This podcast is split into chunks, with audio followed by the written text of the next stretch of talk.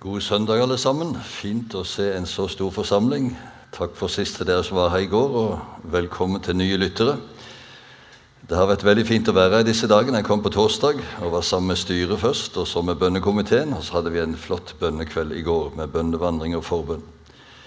Og da Andreas for en god tid siden tok kontakt med meg og spurte om jeg ville komme til Ålesund, så sa jeg ja med en gang, fordi jeg er 50% sunnmøring. Min far kom fra Søvikja. Og jeg veit hva det er å være folelåk i hodet. Dessuten har jeg vokst opp i et misjonssambandshjem og har faktisk vært lærer et år på Fjellhaug. Og min mor var et bønnemenneske og ba daglig for kineserne. Det var Kinamisjon. Og I 1996 var det vel, så fikk jeg reise ut til Kina og fikk lov til å tale i en kirke i Nanjing og Da jeg kom inn i den kirka, det var 1000 mennesker samlet i hovedsalen. Og Det gikk noen sånn ushers og trykka folk inn i benkene for oss å få inn enda en til.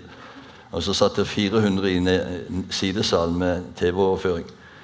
Jeg ble bare stående og gråte. Jeg tenkte dette skulle mor sett. Her er det jo bønnesvar. Og nå regner man jo med at det er over 100 millioner frelste kinesere. Det er jo et fantastisk misjonseventyr. Så kineserne er for så vidt et mektig vitnesbyrd om bønnens makt. Og det er det vi skal snakke litt om i denne halvtimen. Men da vi begynner med, siden jeg hadde søndagsskolen nettopp nå, å fortelle om en søndagsskolelærer som sa til elevene at nå skal dere bli kjent med en misjonsmark og et misjonærpar. Så nå skal dere skrive et brev til misjonærene og fortelle at vi vil be for dem hver eneste søndag. Men, sa søndagsskolelæreren, de har det veldig travelt, så dere må ikke forvente at dere får noe svar på brevet. Nei, nei. Elevene satte seg ned og skrev og fortalte om sin søndagsskole og avsluttet med Vi ber for dere. PS. Vi venter ikke svar. Men jeg håper vi venter svar når vi ber. Og Jeg skal si litt om hvorfor vi skal be. Jeg har tatt litt om hva det vil si å be, og hvordan og hva vi skal be om, men i dag altså hvorfor. For å motivere til bønn. Og Første svar er det som jo Hallesby gir som en definisjon på bønn. Og bønn å be er å lukke Jesus inn, sier han. Å be er å lukke Jesus inn. Først og fremst til frelse. I Åpenbaringen 3.20 står det Se, jeg står for døren og banker. Om noen åpner døren, vil jeg komme inn til han og holde måltid, jeg med han og han med meg. Og Jeg kan i grunnen aldri sitere det bibelordet uten at det dukker opp for meg et ansikt på en ung mann som sto nede ved døren etter at jeg hadde talt over det ordet en gang. Og det var tydeligvis han ville snakke med meg. Og Da alle hadde gått ut, så kom han bort og så sa han, å, jeg kjente at Jesus banka på mitt hjerte i kveld. Og Jeg vil gjerne lukke han inn, men hvordan skal jeg få han inn? Det sa du ingenting om. Nei, det har du rett i, sa. Kom, la oss sette oss ned og prate litt. Så fortalte han om sitt liv. Det var nokså uryddig. Han har vært med på litt av hvert, men nå vil han komme ut av det miljøet. Nå vil han ta imot Jesus. Men hvordan får jeg han inn, sa han. Og så datt det ut av meg uten at jeg egentlig hadde tenkt meg om. Så sa jeg du, hvis du en dag fikk besøk av en god venn Han banka på døra. Du kikka gjennom det lille hullet og så hvem det var. Din beste venn, og du ville ha han inn. Hva ville du sagt? Jeg ville selvsagt sagt 'kom inn', sa han. Jeg kan ikke si det til Jesus også. Ja, men det er ikke så enkelt, sa han. Jo, vet du hva, så enkelt er det. Du skjønner det rettferdige og hellige og fullkomne livet som vi skulle ha levd, men som vi ikke får til fordi vi er syndere, det livet levde Jesus. Han var uten synd. Men den straffen som vi var skyldige til pga. våre feil og fall og svik og svikt og nederlag, den straffen tok Jesus på seg. Så når du inviterer han inn, så blir alt dette ditt. Og da blir du frelst. Da blir du et Guds barn. Ja vel, sa han. Og så snur han seg rundt. Jeg hadde ikke foreslått det, men han kjente vel for det. Og jeg kneller ned ved siden. Og så ber han. Kjære Jesus, kom inn. Amen. Det syns jeg var en litt for kort bønn. Jeg syns jeg burde bekjent litt synd. Men eller hånda bort på skulderen og sagt, 'Kjære Jesus, takk for at du sier dette ordet, at om noen åpner døren, så kommer du inn.' Takk at du nå har kommet inn i hans liv. Og så ba jeg om at Jesus måtte beskytte han og lede han og. Noe i den duren. Så reiser vi oss opp, og så smiler han over hele ansiktet. 'Å, jeg kjente at han kom inn', sa han. Og Noen ganger så kan det oppleves helt konkret, følelsesmessig glede og fred og jubel og takk men det viktigste er hva Guds ord sier. Om noen åpner døren, så kommer jeg inn. Og den som kommer til meg, vil jeg ingenlunde støte ut. Og når vi inviterer Jesus inn, så vil vi etter hvert lære han å kjenne. Og det er det det evige liv egentlig består i. Å kjenne den sanne Gud og ham du har utsendt, Jesus Kristus. Og I denne situasjonen er bønn toveiskommunikasjon. Altfor ofte så tror jeg at det er bare vi som sender våre bønner opp til Gud. Og så løper vi av gårde. Det er nesten som en pasient skulle ringe til legen og nevne alle sine symptomer, og så legger han røret på og sier han jeg fikk ikke mye hjelp av den legen. Han fikk ikke sjanse til å si et ord. Bønn er toveiskommunikasjon. Du må lære Gud å kjenne. Og det skjer ved at du er sammen med ham, bl.a. i bønn. Og jo mer du lærer Gud å kjenne, jo større er det for hvert Guds barn. Tenk på Paulus som hadde alt han kunne rose seg av menneskelig sett. Men det akter han som søppel, som skarn. Fordi det å kjenne Jesus Kristus, min Herre, det er så mye mer verdt. Og jeg tenker på disse Koras barn eller Koras sønner som det står, som har diktet Salme 42 og 84. De var tempelsangere. David hadde jo forordnet med 24 skift av tolv sangere som skulle lovsynge Gud dag og natt. Og de sang på skift. Og det er tydeligvis at Når de skriver disse salmene, så har de vært off duty. Og så skriver de som hjorten stunder etter bekker med rennende vann. Slik stunder min sjel til deg, min Gud. Nå skal jeg få komme og tre frem for ditt åsyn. En dag i dine tempelgårder er bedre enn tusen ellers. Og Det å søke Gud, det er mer enn å søke Hans gaver. Men det som også har blitt så stort for meg, det er at Gud vil fellesskap med oss. Det er ikke bare at vi skal søke Han. Han søker faktisk oss. Og kristenlivet handler ikke først og fremst om å gjøre, men om å være. Bli i meg, så blir jeg i dere. Liksom grenen ikke kan bære frukt av seg selv, men bare når den blir på vintreet. Slik kan heller ikke dere bære frukt hvis dere ikke blir i meg. Og i dette fellesskapet med Jesus der lærer vi hans vilje å kjenne. Det finnes uendelig mange løfter i Bibelen om at Gud vil lede. Et av de mest kjente er Salme 238. Jeg vil lære deg og vise deg den vei du skal gå. Jeg lar mitt øye hvile på deg og gi deg råd. Og Så leste jeg for et par dager siden Salme 25, 14. Herren har fortrolig samfunn med dem som frykter ham. I pakten med ham får de veiledning. Og når har vi fortrolig samfunn med Herren? Det er når vi lever i lyset. For dersom vi vandrer i lyset slik Han selv er i lyset, da har vi samfunn med hverandre, og Jesu Kristi Guds sønns blod renser for all synd.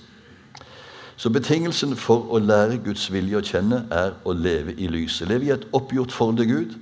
For det står i Jesajas 1, 15 at om vi enn brer ut våre hender og ber mye, så hører jeg ikke. Jeg skjuler mine øyne for dere, for deres hender er fulle av blod, sier Gud.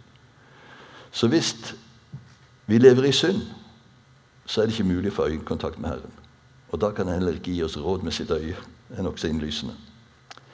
Så må vi også være klar over og tro for fulle alvor at Guds vilje er god. Jeg husker For en god tid siden så var det ei ung dame som betrodde meg at jeg hopper konsekvent over tredje bønn i Fader vår. Hva? Hvorfor det, sa jeg. Jeg tør ikke be den bønnen av et ærlig, oppriktig hjerte. La din vilje skje på jorden slik som i himmelen. Hvorfor ikke det, sa jeg. Nei, hvis jeg ber den bønnen ærlig og oppriktig, så vet jeg én ting. Da havner jeg enten på en misjonsmark eller i Finnmark. Og det vil hun ikke. Og Da måtte jeg spørre ja, men si meg en ting. Hvis nå det var Guds vilje at han ville ha det på en misjonsmark eller i Finnmark, hva tror du da ville skje? Tror du Gud ville si ha-ha, nå lurte jeg deg godt. Nå kan du sitte der inne som har forlatt resten av livet. Og Det var det hun trodde. Og Da måtte jeg si, vet du hva Herren sier til deg? Han har fredstanke med deg, ikke tanke til ulykke. Han vil gi deg fremtid og håp. Og han som ikke sparte sin egen sønn, men ga han for oss alle, hvordan skulle han kunne annet enn å gi oss alle ting med seg? Det er ikke sikkert at det blir lett alltid, men du verden så rett og så rikt og Så må vi også da ta tid til å lytte. Og Jeg har sagt mange ganger denne helgen bønn er toveiskommunikasjon. Når du har bedt, ta tid til å være stille og spørre Herre, er det noe som ligger på ditt hjerte. Og Da har jeg mange ganger fått de underligste tanker. Og så sier jeg, Herre, hvis dette er fra meg selv, la meg glemme det. Men hvis det er fra deg, så minn meg på det igjen og igjen. Da skjønner jeg at det er du som vil ha gjort noe. Og Noe av det siste og mest har nesten sagt umulige jeg opplevde, det var at jeg hadde hatt en del kontakt med ei eldre dame som hadde opplevd forferdelig mye vondt i sitt liv. Skrekkelig mye vondt. Hatt et utrolig vanskelig ekteskap. Opplevd sykdom og mannens død og you name it. Og jeg lovte jeg skal be for deg. Jeg ba for henne hver dag. Og så en morgen så får jeg en helt klar tanke. Du må besøke henne i dag og vaske føttene hennes. Nei, vet du hva, Gud. Et sted må grensen gå. Det gjør jeg aldri. Men det kom igjen og igjen. Du må besøke henne i dag og vaske føttene hennes. Og Til slutt var det ikke annet å gjøre enn å ta en telefon. Håpte ikke hun var hjemme. det var hun. Håpte ikke det passet med besøk. Det passet veldig godt. Så jeg tok med meg et vaskevannsfat og god såpe, en god krem, et håndkle og reiste på besøk. Hva har du der? spurte hun. Jeg har et vaskevannsfat. Jeg skal vaske føttene dine. Så vil du ta av strømpene? Hun så jo helt himmelfallende ut.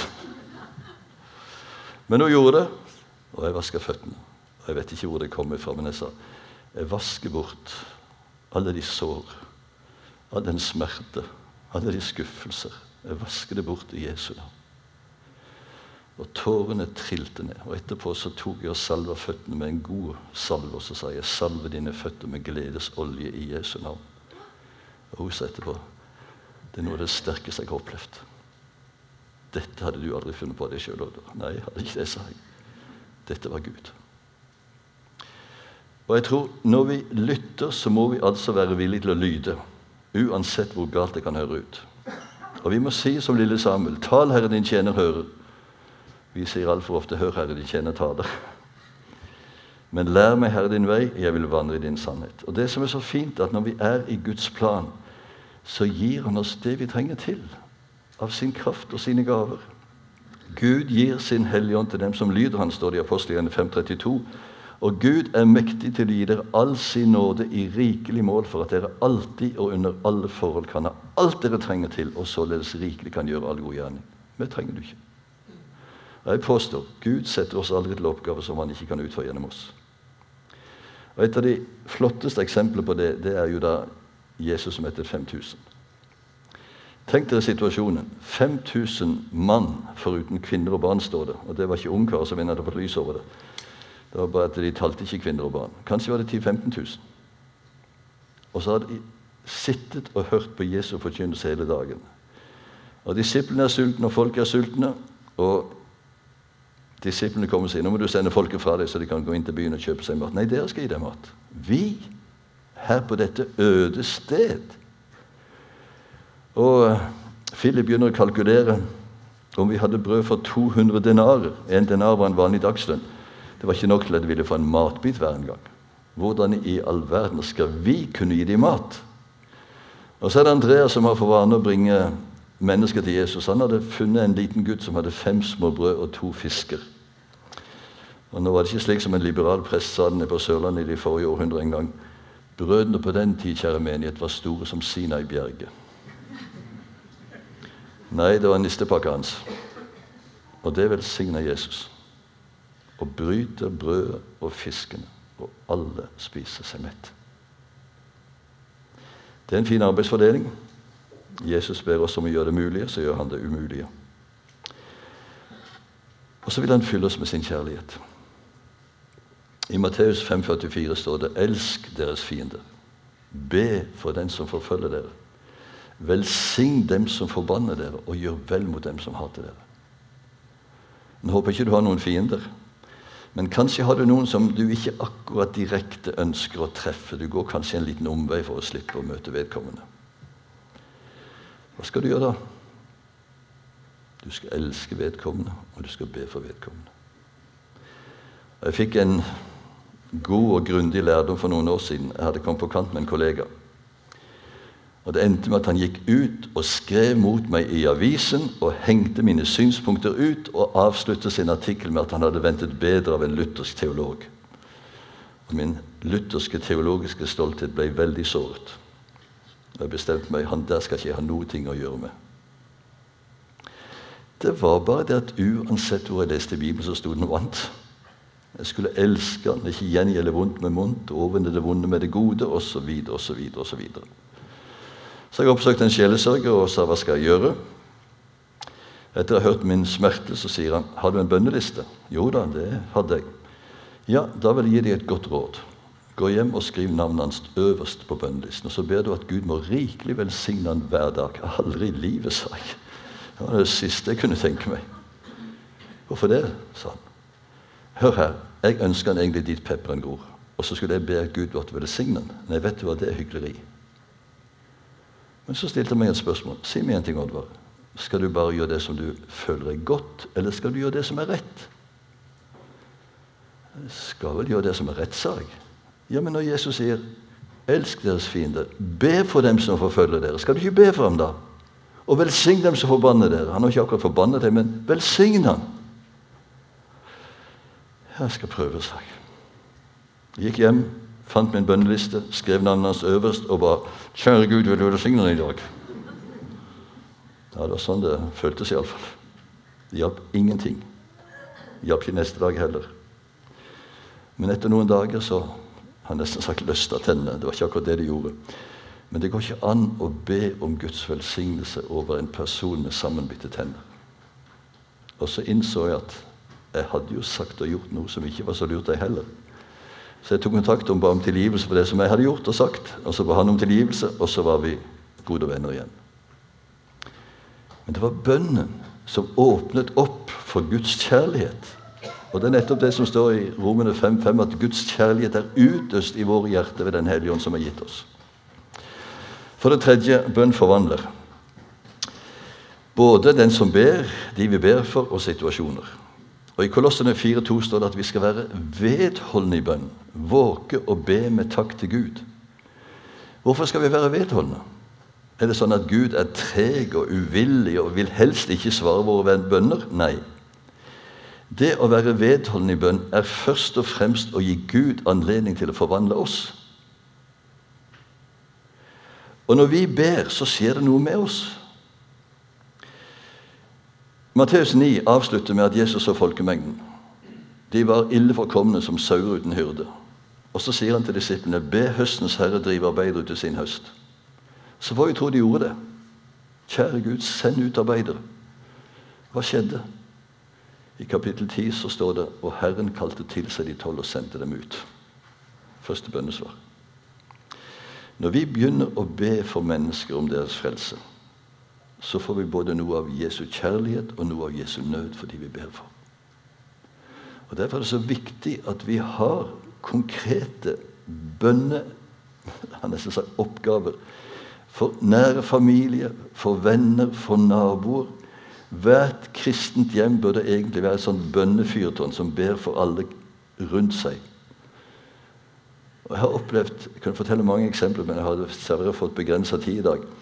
På naboer som jeg har fått be for. Og så har det åpnet seg situasjoner og samtaler som har vært bare helt fantastiske å gå inn i. For det å være et vitne for Jesus det er å vandre i ferdiglagte gjerninger. Så be konkret med navns nevnelse. Du får nød, du får kjærlighet, og Gud vil åpne dører for deg. Helt sikkert. Og så skjer det nettopp noe når vi ber for folk. Be om at Gud må åpne en dør for ordet, fortsetter Paulus. Og det kan gå både på gatedør, det har jeg vært med å be om, men det går jo primært på hjertedører. Og når vi begynner å be for en person, så kan det ofte noen ganger virke nesten som at de blir mer harde til å begynne med. Men Det er bare et tegn på at det virker. Men så etter hvert så begynner Gud å åpne hjerter. Jeg hadde en god venn i Kristiansand. Han er, han er sagt dessverre hjemme hos Herren nå. Jeg syns Herren har litt for god råd av og til. Men han var et bønnemenneske og en frimodig evangelist. Han fortalte meg at han og kona pluss et annet ektepar de hadde fått tro for at de skulle be for et naboektepar som ikke var frelst, at de måtte bli frelst. Og de skulle be for disse hver tredje time på dagen. Klokken tre, klokken seks, klokken ni, klokken tolv. Kjære Gud, kall på naboene våre. Frels dem. Det gikk bare tre måneder, så skulle det være en møteserie i bedehuset i Kristiansand. og Da fant min venn på at dette var en glimrende anledning til å invitere dem med på møter. Ringte på, mannen kom ut. Hadde lyst til å være med på møte i kveld i bedehuset.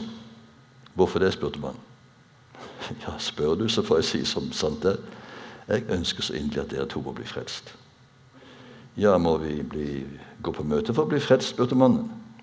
Nei, strengt tatt ikke, men ofte er det slik at når man går på møter og hører Guds ord forkynt, så kommer man til tro, og så blir man frelst. Ja, det, det går ikke an å bli frelst her, spurte man. Her hos oss. Jo, klart det, sa han. Ja, kom inn og forklar oss hvordan. Og min venn ble med inn. Det ble ikke noe møte på han den kvelden. Og så gikk han enkelt gjennom Johannes 3, 16 og forklarte om Gud som elsker oss, vi mennesker som er syndere, Jesus som døde for våre synder, at vi i tro kan få ta imot Hans frelse. Og det å tro det er å invitere Jesus inn i sitt liv som sin frelse og herre. Kort og enkelt. Og så spør han mannen og kona ønsker dere å ta imot Jesus som deres frelser og herre her og nå. Ja, sier de begge to. Og så får han be med dem til frelse i deres egen stue.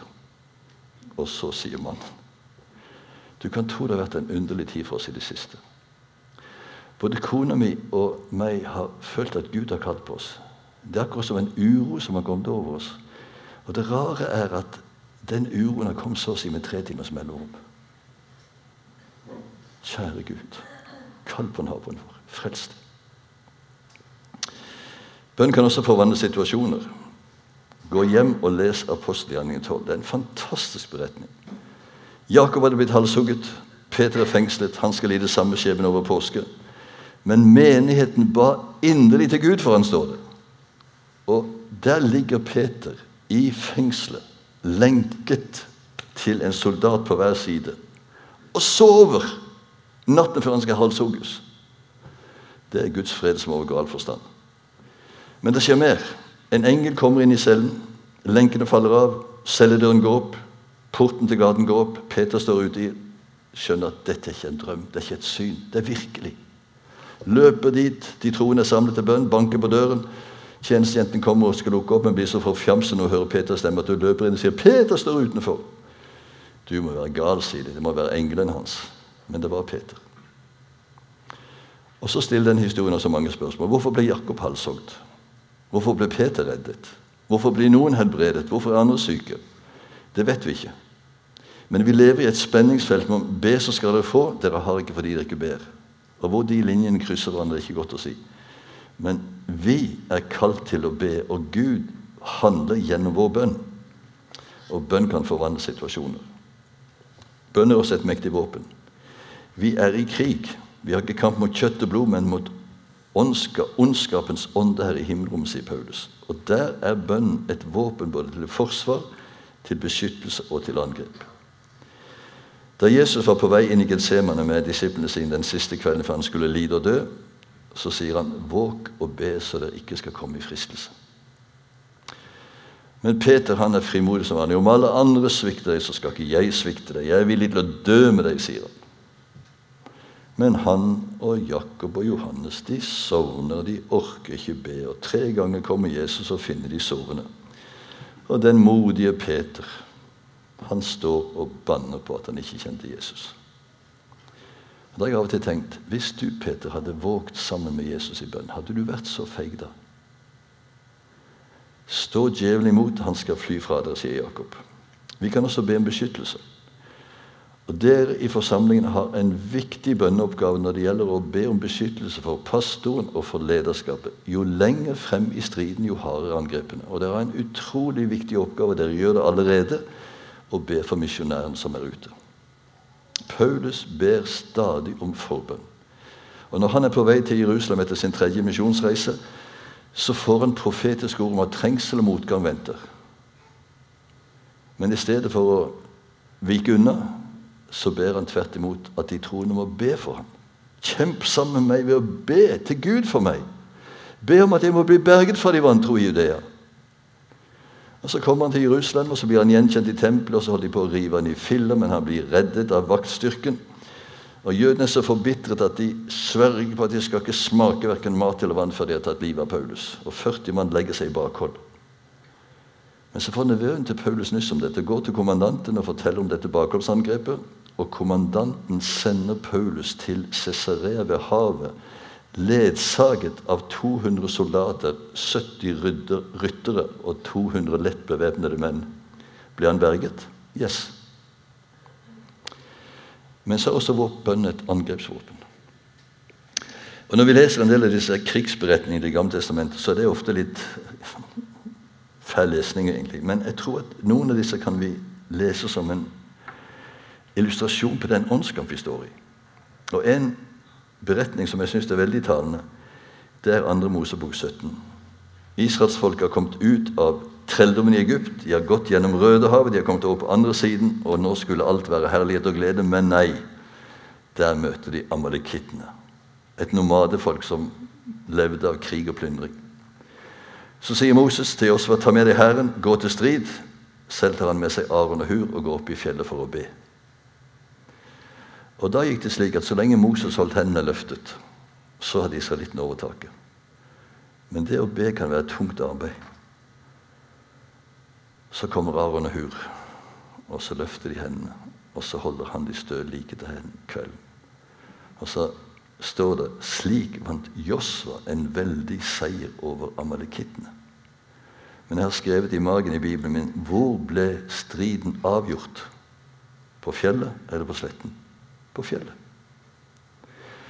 Og Av og til når jeg leser møteannonser i Fevennen i Kristiansand, landsdelens dårligste avis Men vi er nødt til å holde den for den eneste avisen vi har. Så er det spalte opp og spalte ned med møteannonser. Og Av og til så spør jeg meg selv hva skjer på alle disse møtene? Blir folk frelst? Blir folk fornyet? Blir folk helbredet? Blir de oppreist? Blir de forvandlet? Blir de stansa til å tjene, til å vitne? Eller blir det enda et nytt møte til møtet av holdelsens fremme? Hva ville skjedd om Gud tok sin hellige ånd bort fra menighetene? Vil alt fortsette som før, eller vil alt dra seg sammen? Jeg er redd for at det vil fortsette akkurat som før. Er det fordi det svikter oppe på haugen? Er det fordi det svikter i forbønn? Og kjære venner, skal det bli vekst og vekkelse, så må det ikke svikte oppe i fjellet. Det er der striden avgjøres.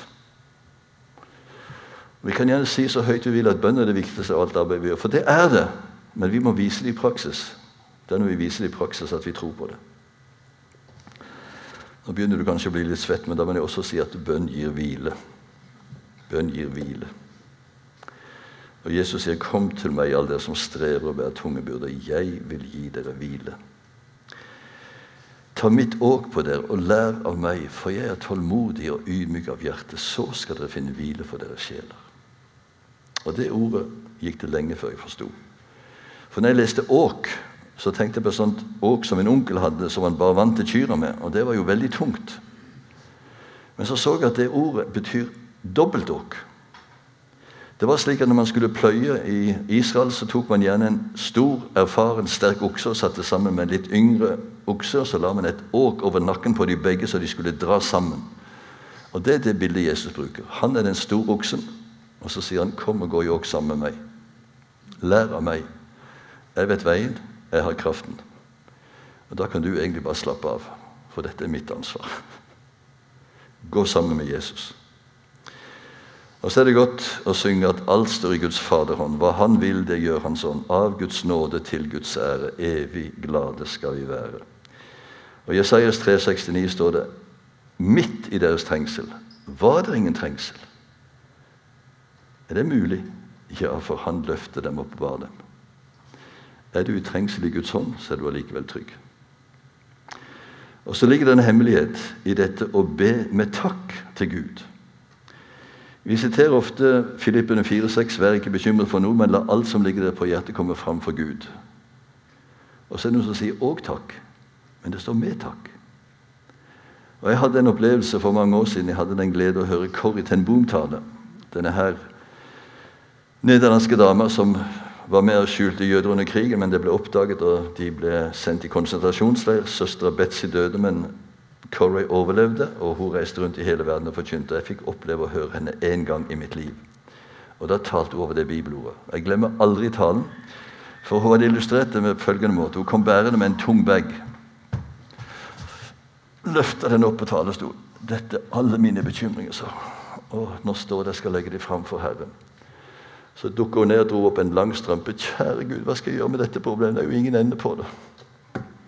Så dukka hun ned til en hanske. 'Kjære Gud, hva skal jeg med én hanske?' Og sånn sutrer hun seg gjennom hele bagen. Og etter hun hadde sagt ammen med gråten i halsen, Så putta hun alt oppi bagen igjen, og så gikk hun videre enda mer nedtynga. Det hjalp ingenting, så. Til jeg oppdaget hva som sto, nemlig at jeg skulle legge det frem med takk til Gud. Og så var det opp med bagen igjen, og så var det ned til strømpen. Kjære Gud, takk for dette problemet som jeg ikke ser noen ende på. Det kan du vende til det gode. Og for hver ting hun tok opp, så takket hun Gud og siterte et løfte fra Bibelen. Og det å takke Gud, sa hun, er å minne både seg selv og Gud om hans løfter. Og da hun hadde takket seg gjennom alt, så gikk hun videre med tom bag. Guds fred som overgår all forstand, skal bevare deres hjerter og tanker i Kristus Jesus. Og Noen ganger er det godt bare å sitte på Guds fang. Bør ikke si et ord. Den hellige ånd som bor i oss, han går i forbønn for oss med sukk som ikke kan uttrykkes i ord. Og Det som Ånden ber om for de hellige, det er etter Guds vilje. For han ransaker alle tingene til dybden i Gud. Og som jeg sykler på her, for nå går tiden, men bønn forener Guds folk. Og det snakket vi en del om på samlingen med bønnekomiteen. Vi får større frimodighet. Det to eller tre av dere blir enige om å be om, det skal dere få min far i himmelen. Vi får større utholdenhet. Det ser vi av denne beretningen om Moses og Aron og Hur. Og det ser også ut til at jo flere som ber, jo større gjennomslag blir det. Jo sterkere står vi i åndskampen. Og det siste og det viktigste er at gjennom bønnen blir Gud æret. Det er kanskje hovedhensikten med bønn. Syv ganger i Jesu avskjedstale så sier Jesus at nå skal disiplene be. Nå skal de få lov til å be. Og så sier han og det dere ber om i mitt navn, det vil jeg gjøre, så Faderen kan bli æret gjennom Sønnen. Og når vi ber konkret, så får vi også konkrete svar. Og Paulus oppfordrer stadig sine lesere til å være med og be for dem. Også dere må hjelpe til ved å be for oss, sier han. Og når mange ber, vil takken for den nådige hjelp vi får, stige opp fra manges munn. Og som jeg har sagt tidligere, Vi takker Gud for det han gjør, vi tilber han for det han er. Og Vi har grunn til å takke og tilbe og love og prise Gud. Han som virker i oss med sin kraft og kan gjøre langt utover vi ber om. Mer enn alt, står det. Mer enn alt. Ham være ære i Kirken og i Kristus Jesus i alle evigheter. La oss be.